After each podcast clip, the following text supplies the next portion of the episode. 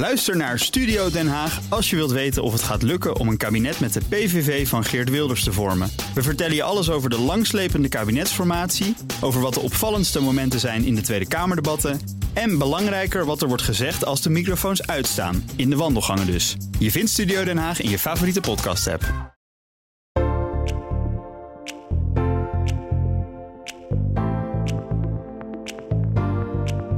Dit is de eerste podcast van Pensioenbureau. We praten over openheid en engagement. En we, dat zijn uh, ik, Frank van Alven, redacteur van Pensioenbureau. En Tjibbe Hoekstra, ook redacteur van Pensioenbureau. En onze gasten zijn Daan Spaargaren van PME en Rebecca Werner van PNT. En zoals gezegd, we gaan het hebben over engagement en transparantie. Want dat is duidelijk, pensioenfondsen willen transparanter zijn over hun engagement. En we gaan uh, daar vier uh, onderwerpen bespreken. Van waarom, wat houdt dat precies in, die, engage, uh, die, die openheid rond engagement? Hoe ziet dat eruit? Een van de voorbeelden is PFZW, die een duidelijke doelen heeft gesteld. We gaan kijken hoe dat bij deze pensioenfondsen zit. Het andere onderwerp is, ja, waarom is het eigenlijk belangrijk om transparant te zijn? Wie zit, wat zijn de doelen daarbij? En zijn er ook nadelen van transparantie? We gaan kijken hoe deelnemers hier tegenaan kijken. Zitten die daarop te wachten, ja of nee?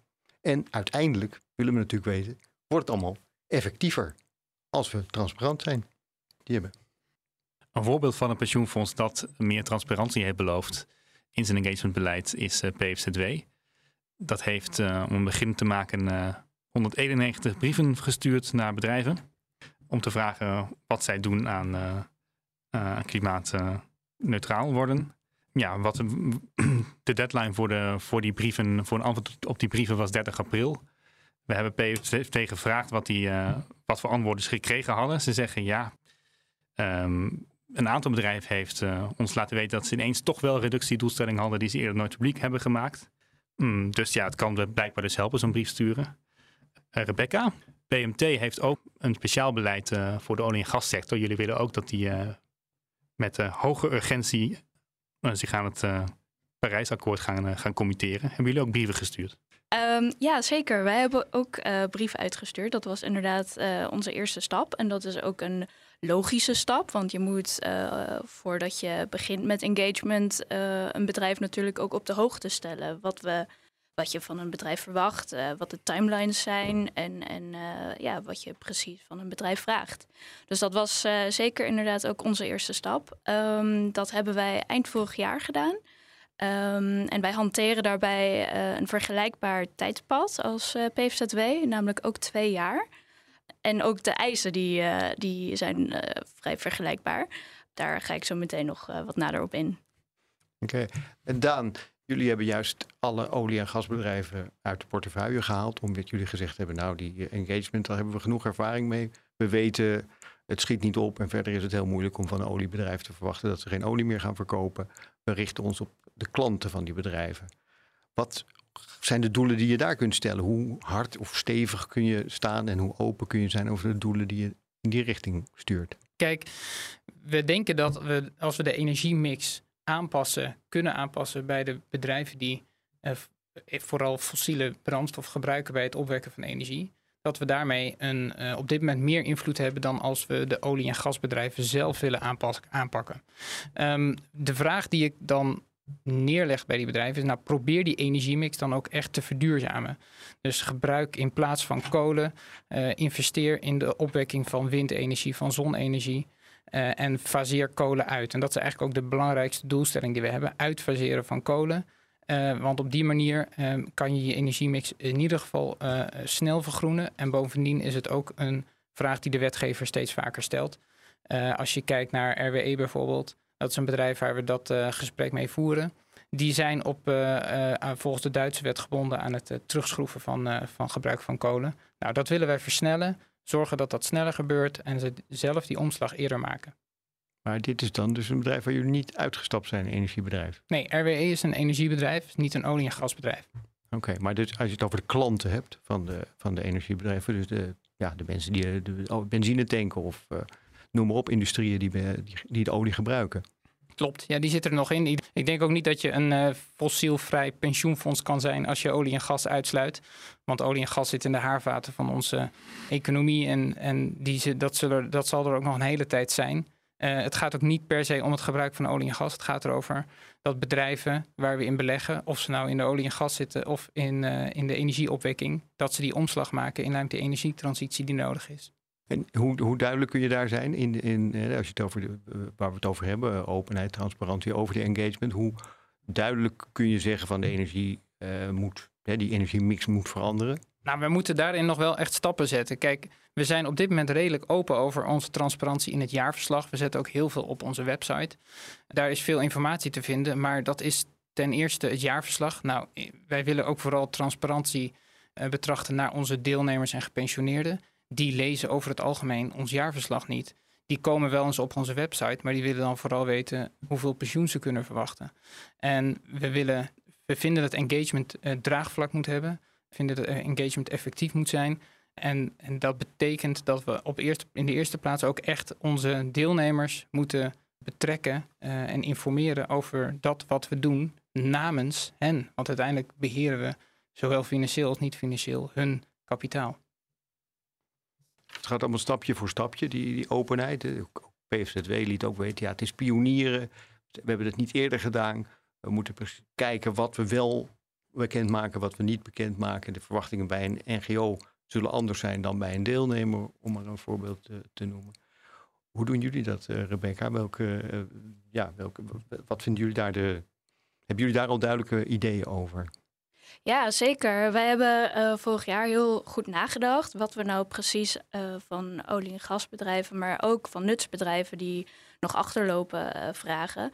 En we hebben expliciet ook onze deelnemers daarbij betrokken en onze achterban. Omdat we, zoals Daan net al noemde, natuurlijk het fonds zijn van onze deelnemers.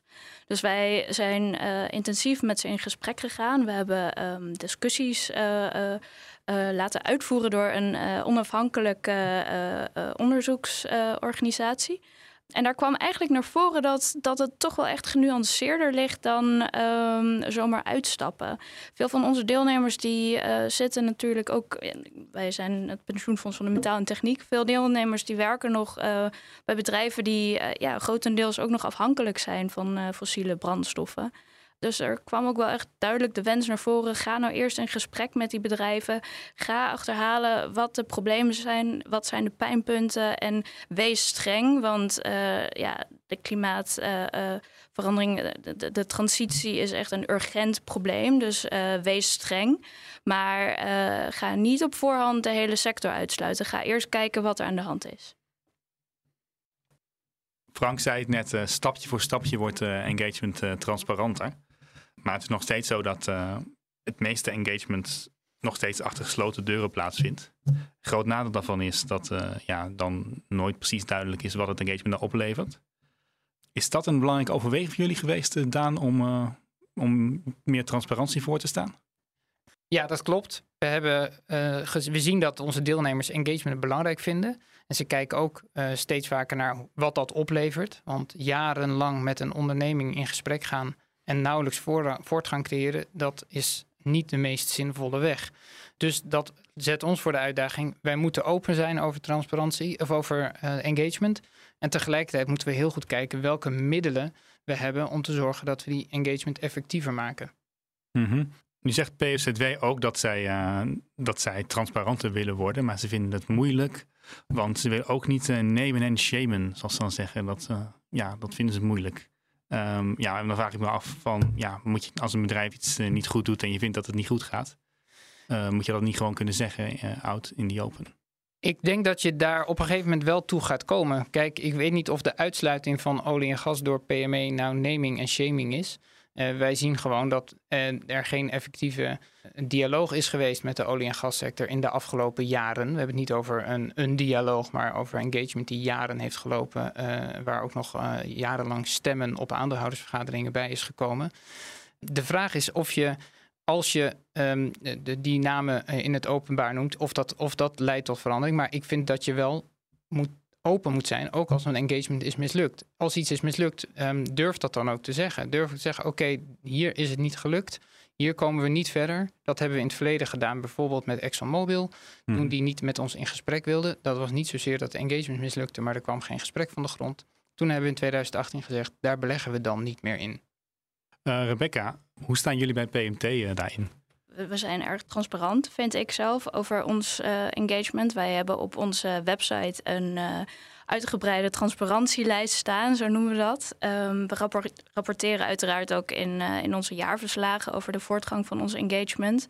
Maar uit die transparantielijst blijkt bijvoorbeeld ook ja, wat we van bedrijven vragen, wat de voortgang is en wat we ja, inderdaad van, van bedrijven verwachten. Dus dat is wat mij betreft een belangrijk onderdeel ook wel van engagement. Om daar eh, transparant over te zijn richting de deelnemers, maar ook richting andere stakeholders zoals NGO's, media. We worden eh, vaak bevraagd door verschillende eh, organisaties waar we staan.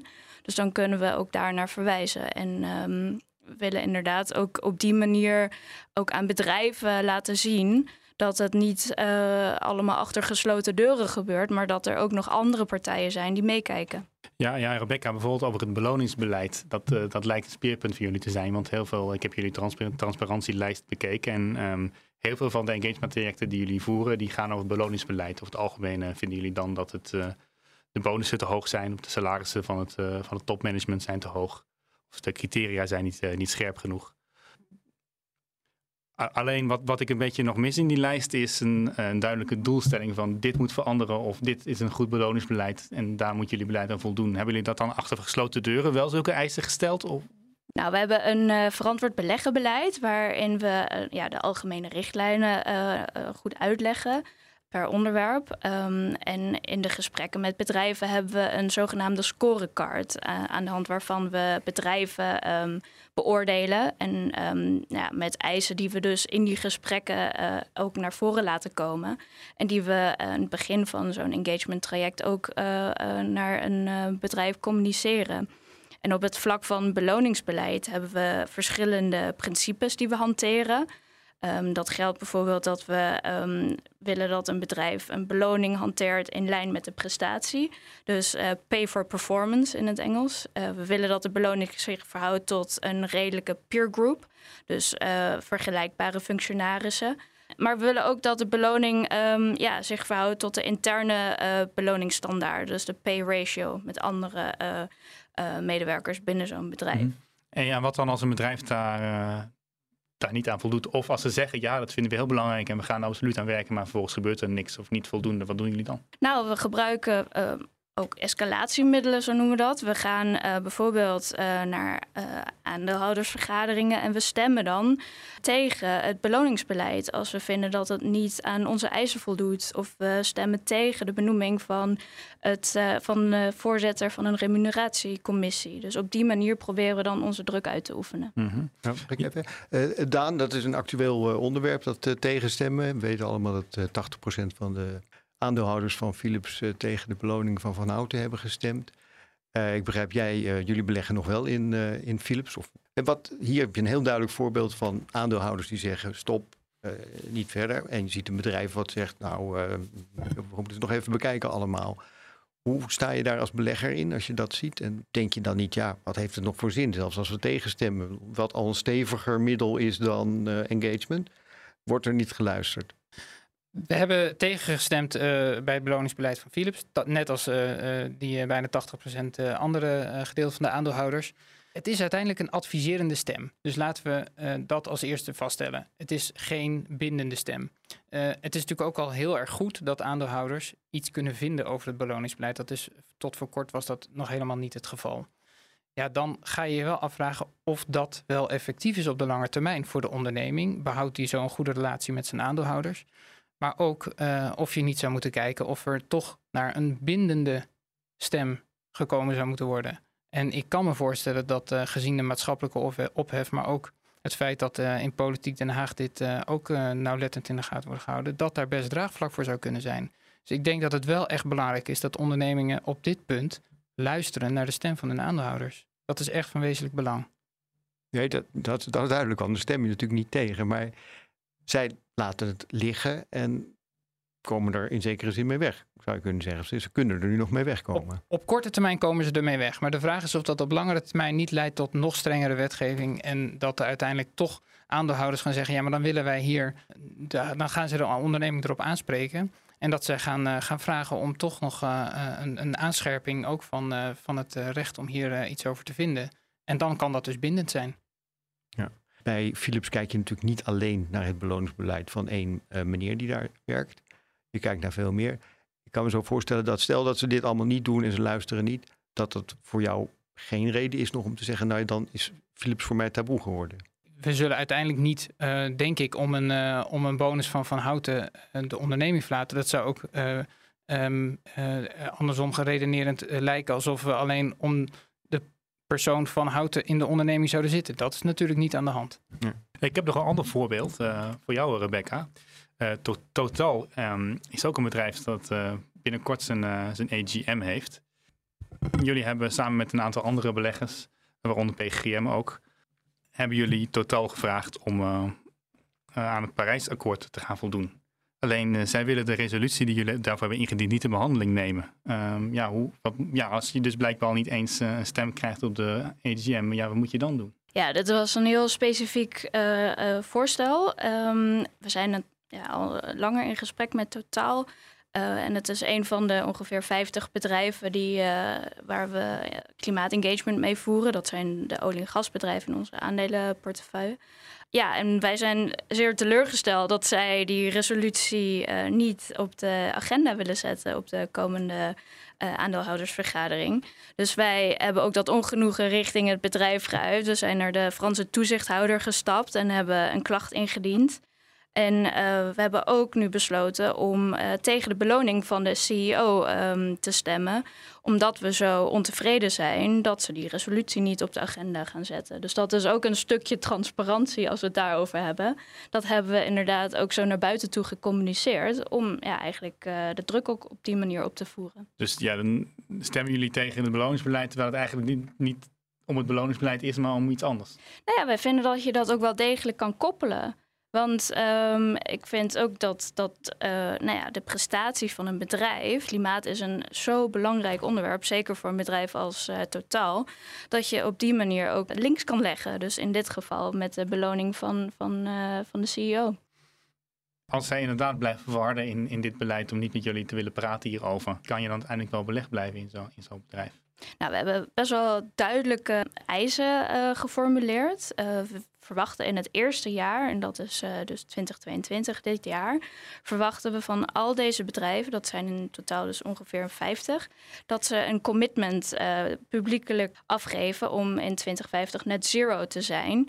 En volgend jaar worden die eisen aangescherpt. En dan verwachten we ook dat ze een actieplan opstellen en, en reductiedoelstellingen op de korte, middellange en lange termijn aan de hand van de voortgang op deze eisen beoordelen we de bedrijven. En als er te weinig voortgang wordt getoond, ja, dan uh, kan het inderdaad wel wezen dat we afscheid uh, gaan nemen van deze bedrijven. Jullie noemen allebei altijd de deelnemers uiteraard als belangrijk uh, bron of een belangrijk verhaal in dit, in dit geheel. Dat het, die openheid ook voor de deelnemers belangrijk is. Hoe staat het eigenlijk met die belangstelling, Daan, van die deelnemers voor dat, voor dat hele beleid? Hoe, hoe, hoe meet je dat? Want ja, ik kan me voorstellen dat, ja, wat je zelf al zegt, niemand gaat het jaarverslag lezen. Al die andere documenten over engagement zijn tamelijk technisch. En ja, hoe, hoe, uh, hoe meet je dat? Hoe weet je uh, hoe belangrijk het is? Dat kunnen we heel goed onderzoeken. We hebben uh, kwalitatieve onderzoeken, we hebben kwantitatieve onderzoeken. Dus dan, dat zijn uitvragen waarin we stellen, vragen stellen over Um, nou, hoe, hoe, vindt u dat we om moeten gaan met verantwoord beleggen? Moet het op de voorgrond, moet het op de achtergrond? Mag het rendement kosten, mag het geen rendement kosten? Al die vragen die, um, die kunnen we voorleggen. Uh, we kunnen ook heel goed voorleggen of wij op bepaalde onderwerpen voor moeten lopen, of we juist uh, ergens terughoudend moeten zijn. En we hebben natuurlijk ook gewoon gesprekken met onze, onze deelnemers. Um, dat zijn dan niet, dat is geen Ziggo Dome vol, maar wel in, in, in kleine groepen praten we met met, ze kunnen we vooral hen ook laten spreken. Want van hen willen we horen hoe we het doen en hoe we het zouden moeten doen, waar we kunnen verbeteren. Um, die gesprekken vinden, dat doen we steeds regelmatiger. En die leveren ook heel veel op. Maar we moeten ook zorgen dat het land bij de mensen waar we dit voor doen. En door met hen in gesprek te gaan, kunnen we ook horen waar zij de focus vinden, dat wij de focus moeten leggen. En dan kan die transparantie zou daarin in moeten helpen. Hè? Dus dat je duidelijker kunt zijn wat je wil. Heb je een voorbeeld van hoe je dat dan zou moeten doen? Dan, hè? Niet via een technisch rapport of niet via een jaarverslag, maar hoe laat je dan aan die deelnemers zien wat je doet en wat je bereikt? Ja, vanuit oudsher uh, gaan we altijd in ons jaarverslag uitgebreid uitleggen wat we doen. Maar dat wordt dus eigenlijk niet echt gelezen. Maar het idee daarachter was altijd, ja, je moet verantwoording afleggen. En dat doe je dan door dat op je website te zetten. Maar ik denk dat, je, dat dit eigenlijk allemaal onderwerpen zijn. Of het nou over klimaatverandering gaat of over leefbaar loon. Het zijn allemaal heel maatschappelijk urgente onderwerpen. En het zou zonde zijn als je de mensen waar je dit geld voor belegt niet betrekt bij de boodschap die je wil afgeven aan de bedrijven waarin je belegt. En die connectie die wil ik veel sterker naar voren laten komen. Maar het is heel erg moeilijk. Het is voor veel mensen ook gewoon een technisch onderwerp. Het is beleggen. Het is maatschappelijk duurzaam beleggen ja, dan kom je al heel snel op onderwerpen die nou ja, niet uh, aan de koffietafel of in de kroeg worden besproken. Dus het is aan ons om naar manieren te zoeken om enerzijds die deelnemer echt te bereiken. Dus welke kanalen kunnen we vinden om te zorgen dat ze naar ons luisteren, dat, ze, dat we de boodschap daar kunnen brengen waar ze horen.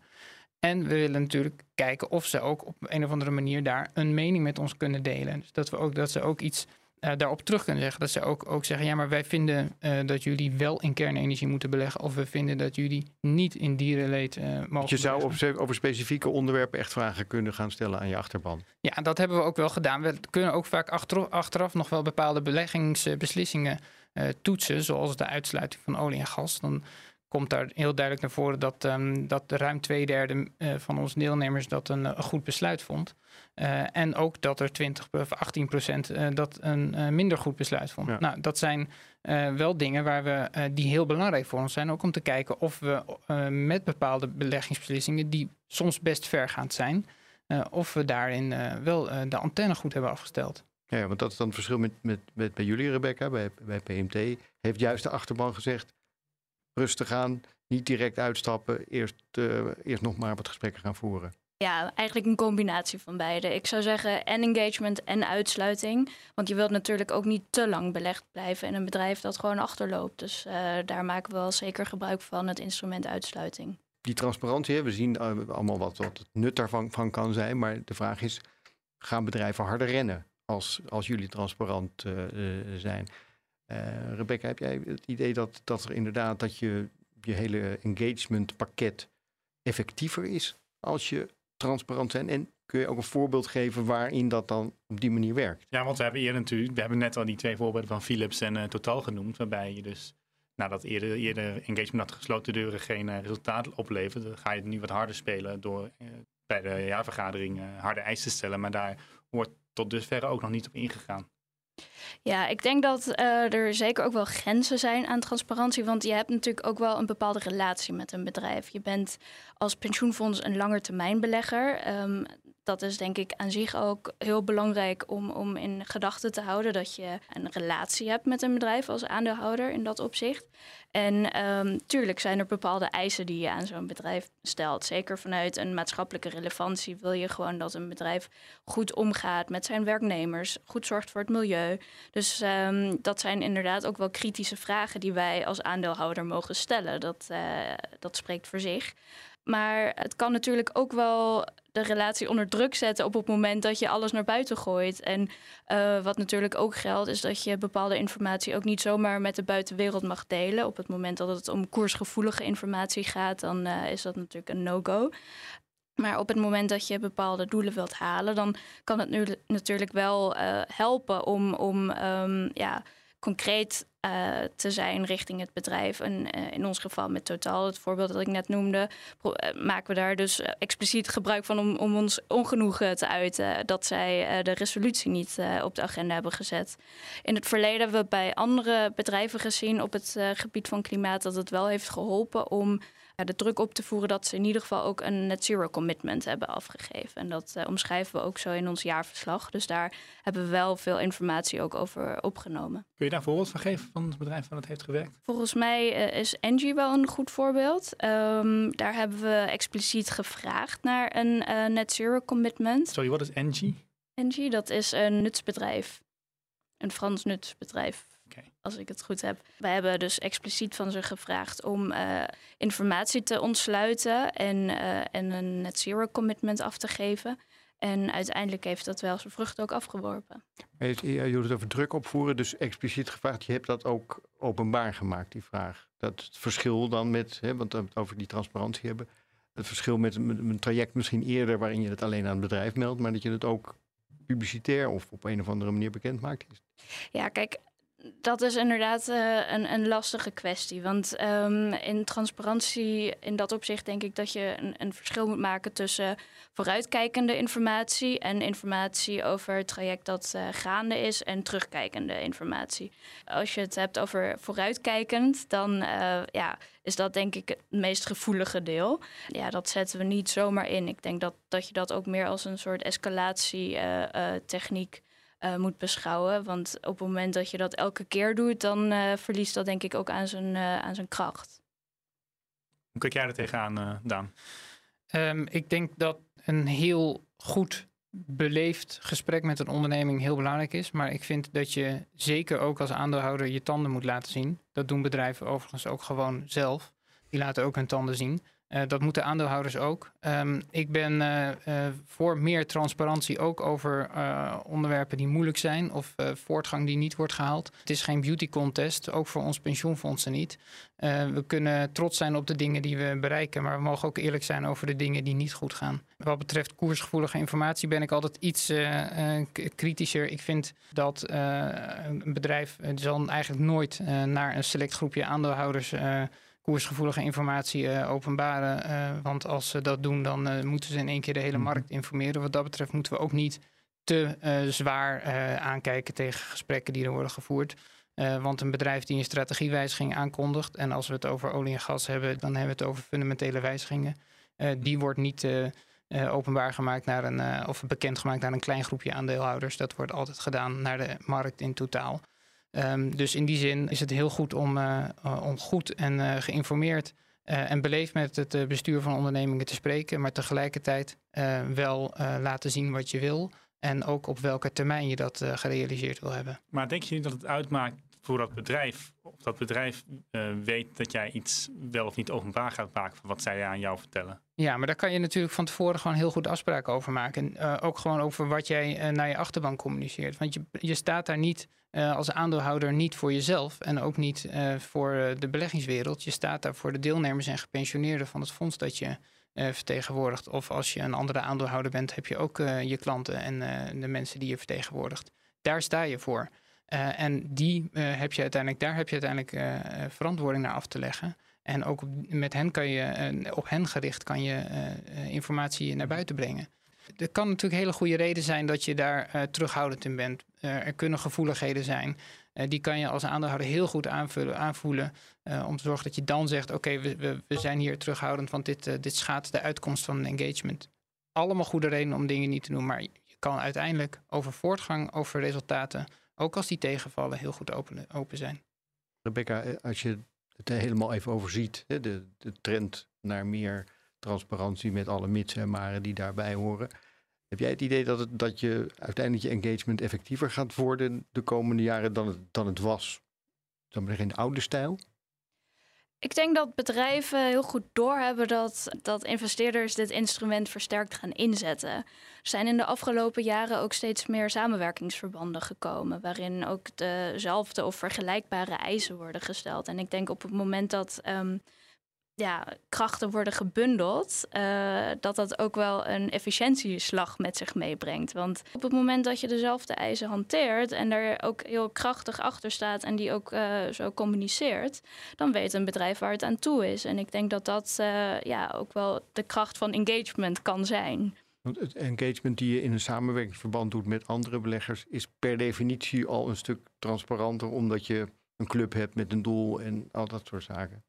Ja, ik denk dat dat heel erg goed kan helpen. En een voorbeeld daarvan is de Climate Action 100 Plus. En dat zijn, uh, ja, als ik het goed heb, ongeveer 600 uh, beleggers wereldwijd die van CO2-intensieve bedrijven bepaalde eisen stellen. Dus bijvoorbeeld het ontsluiten van data, maar ook ja, het afgeven van een net zero commitment en het opstellen van reductiedoelstellingen. Hartelijk dank voor, jullie, voor jullie bijdrages. Ik denk dat we weten wat de mitsen en de maren zijn bij transparantie, maar dat het wel iets is waar we de komende tijd mee te maken blijven houden. Dit was de eerste podcast van PensioenPro. En uh, de volgende aflevering gaat over het landenbeleid van pensioenfondsen. Omdat uh, pensioenfondsen hebben nu uh, al massaal geroepen, we beleggen niet meer in Rusland. Nou, dat was niet zo heel moeilijk, want ze belegden er 1% in. Maar er zijn natuurlijk ook andere landen waar je vraagtekens bij kunt zetten. Noem maar een land als China. En dat is stuk groter, dus het is interessant om te weten hoe pensioenfondsen daarin staan. Bedankt voor het luisteren.